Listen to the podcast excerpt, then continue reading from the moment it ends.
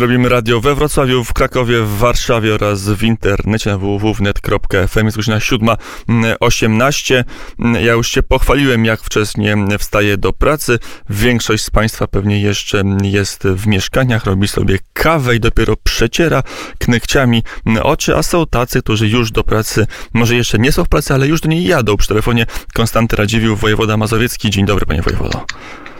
Dzień dobry panie redaktorze. No prawdę mówiąc jestem już w pracy, bo wiadomo, że elektronika pozwala w zasadzie w każdym miejscu być w pracy. No i tak to jest. Ale fizycznie pan się przemieszcza samochodem po ulicach Warszawy do Urzędu Wojewódzkiego. To może na, na początek pytanie o Dzień Wojewody w stanie kryzysu. Co pan będzie robił, jak pan wejdzie do urzędu?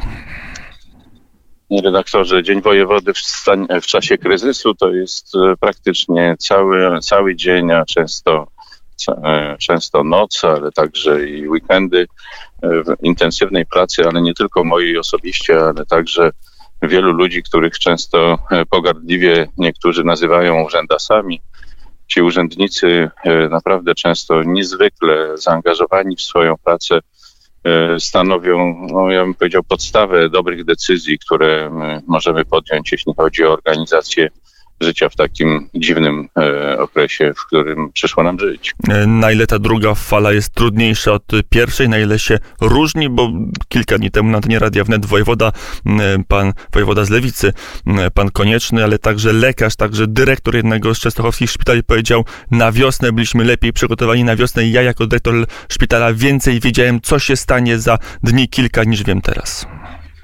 No może za dni kilka tak, ale proszę pamiętać, że zarządzanie takim kryzysem, jakim jest epidemia, e, to nie jest kwestia kilku dni. Właśnie dzięki temu, co robiliśmy na wiosnę, udało się tak e, przygotować różne rozwiązania, poznać tę epidemię, bo też myślę, że wszyscy ci, którzy mówią, że wiedzieli wszystko, to mm, po prostu nie mówią prawdy, bo tak prawdę mówiąc, to nie tylko w Polsce, ale na świecie nikt nie wiedział, jak to wszystko będzie a do pewnego stopnia możemy powiedzieć, że i teraz też nie wiemy.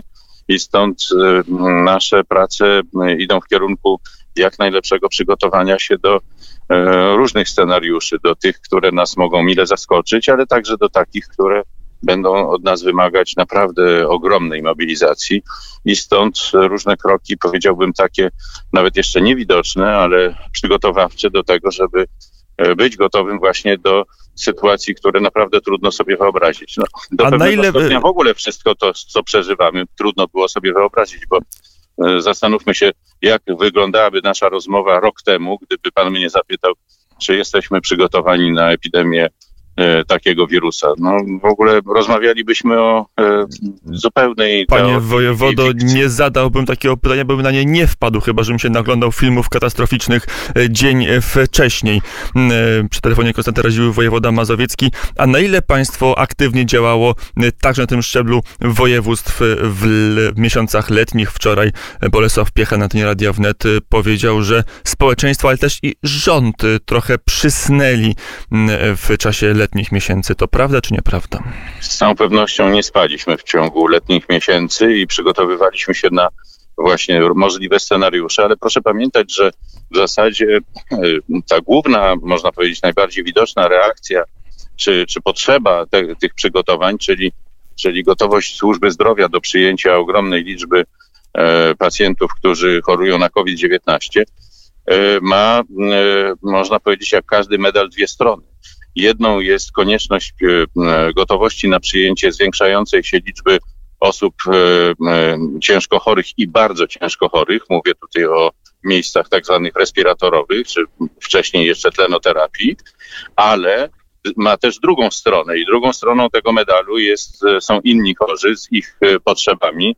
No i nie ma żadnej wątpliwości, że my musimy bardzo ważyć E, obie interesy obu tych e, grup e, pacjentów, bo przecież ludzie nie przestali chorować na zawały, nie, nadal ulegają wypadkom, mają różnego rodzaju potrzeby chirurgiczne i tak dalej, i tak dalej. Mimo, że niewątpliwie pewną część świadczeń zdrowotnych, zwłaszcza tych tak zwanych planowych, staramy się odsuwać, no to też nie można tego odsuwać w nieskończoność, a nic nie wskazuje na to, żeby w ciągu jakiegoś dającego się łatwo określić czasu, sytuacja pod tym względem się poprawiła. Dlaczego ja to wszystko mówię? Dlatego, że staramy się być nie kilometr przed epidemią, tylko kilka kroków przed epidemią.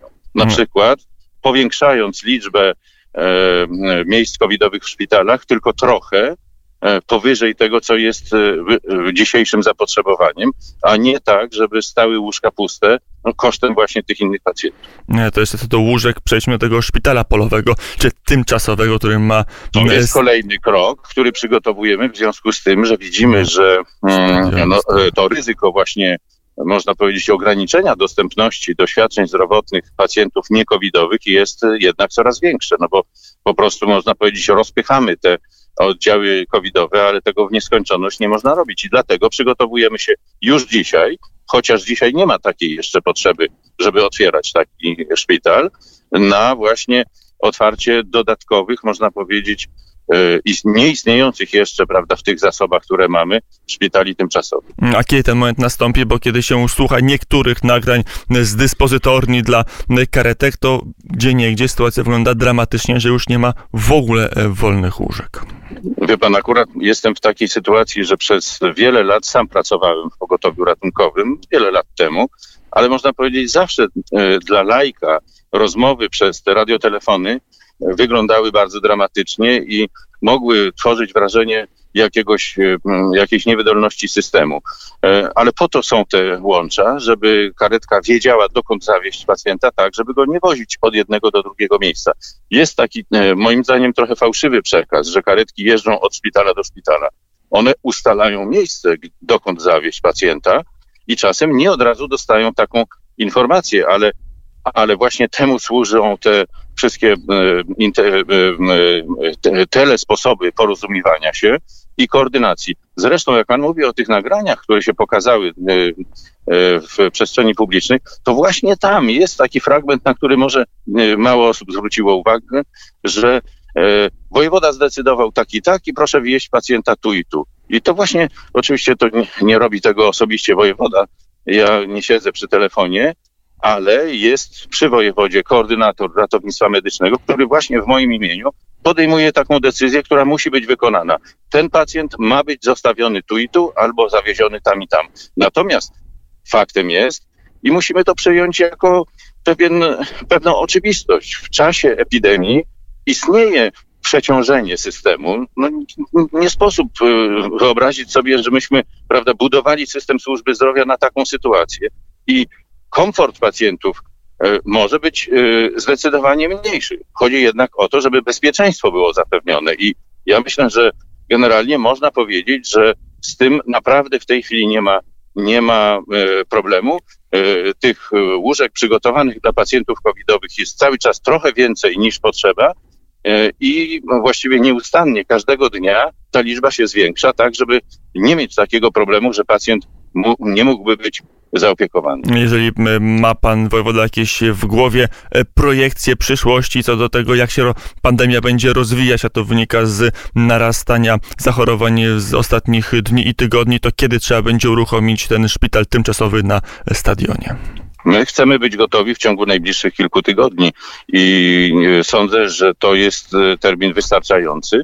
Zresztą to nie będzie jeden szpital y, tymczasowy, ale prawdopodobnie w wielu miejscach w Polsce, bo przecież nie możemy też patrzeć przez pryzmat mojej dzielnicy, mojego miasteczka. Stąd zresztą często bywa tak, że pacjenci jeżdżą y, daleko, nie, nie, nie są y, zawsze zaopiekowani w najbliższym szpitalu. Może być tak, że muszą być przewiezieni do miejsca, które na przykład w ramach województwa jest trochę bardziej oddalone, ale Między innymi po to będziemy również regulować, że tak powiem, ruchem, jeżeli chodzi o powiększanie tej bazy e, łóżek szpitalnych gotowych do przyjęcia pacjentów covidowych e, w szpitalach tymczasowych też tak, żeby nie zaburzać całego systemu. No bo też przecież e, trzeba zwrócić uwagę na to, że to nie tylko zasoby infrastrukturalne, ale także personel, którego nie mamy nieskończonej, nieskończonych zasobów i wobec tego no zawsze wyznaczenie jakiegoś miejsca także poza szpitalem na leczenie pacjentów covidowych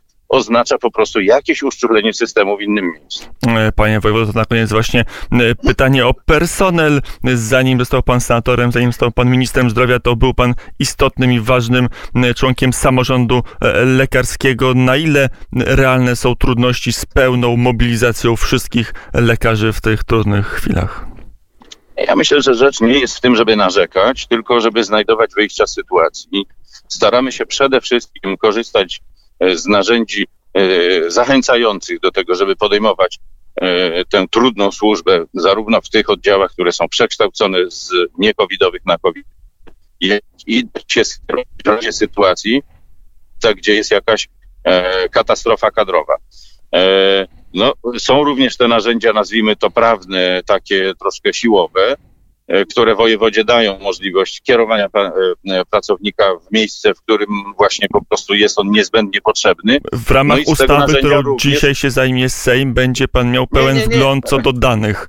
A no tak, no więc no, doskonalimy, można powiedzieć, jedno i drugie narzędzie. To znaczy, e, będą jeszcze większe benefity dla tych, którzy zdecydują się na walkę z, z COVID-em, ale także doskonalsze narzędzia kierowania e, personelu w miejscach, gdzie jest on niezbędny do e, leczenia pacjentów zakażonych. A ile pan wojewoda obiecuje po tych rozwiązaniach zawartych w tej ustawie, którą dzisiaj się zajmie Sejm, że będzie pan miał pełną wiedzę, e, ilu lekarzy właściwie jest na Mazowszu? I jakich specjalizacji? Ja myślę, że w tym zakresie to ta wiedza jest bardzo dobra i ja doskonale wiem co do co do jednego, ilu lekarzy jest na Mazowszu, to jest liczba ogromna, około to 30 tysięcy lekarzy przepisy? i lekarzy dentystów. Natomiast nie, nie, no te przepisy e, doskonalą, można powiedzieć, e, sposoby dotarcia do tych osób, które e, nas interesują, bo przecież tu nie chodzi o to, żeby jakiegoś lekarza wysłać w określone miejsce, ale żeby to była osoba o określonych kwalifikacjach, zamieszkała w określonym miejscu, określonym wieku, prawda? No bo to są, to są elementy, które trzeba brać przy e, takich trudnych decyzjach, żeby to było efektywne.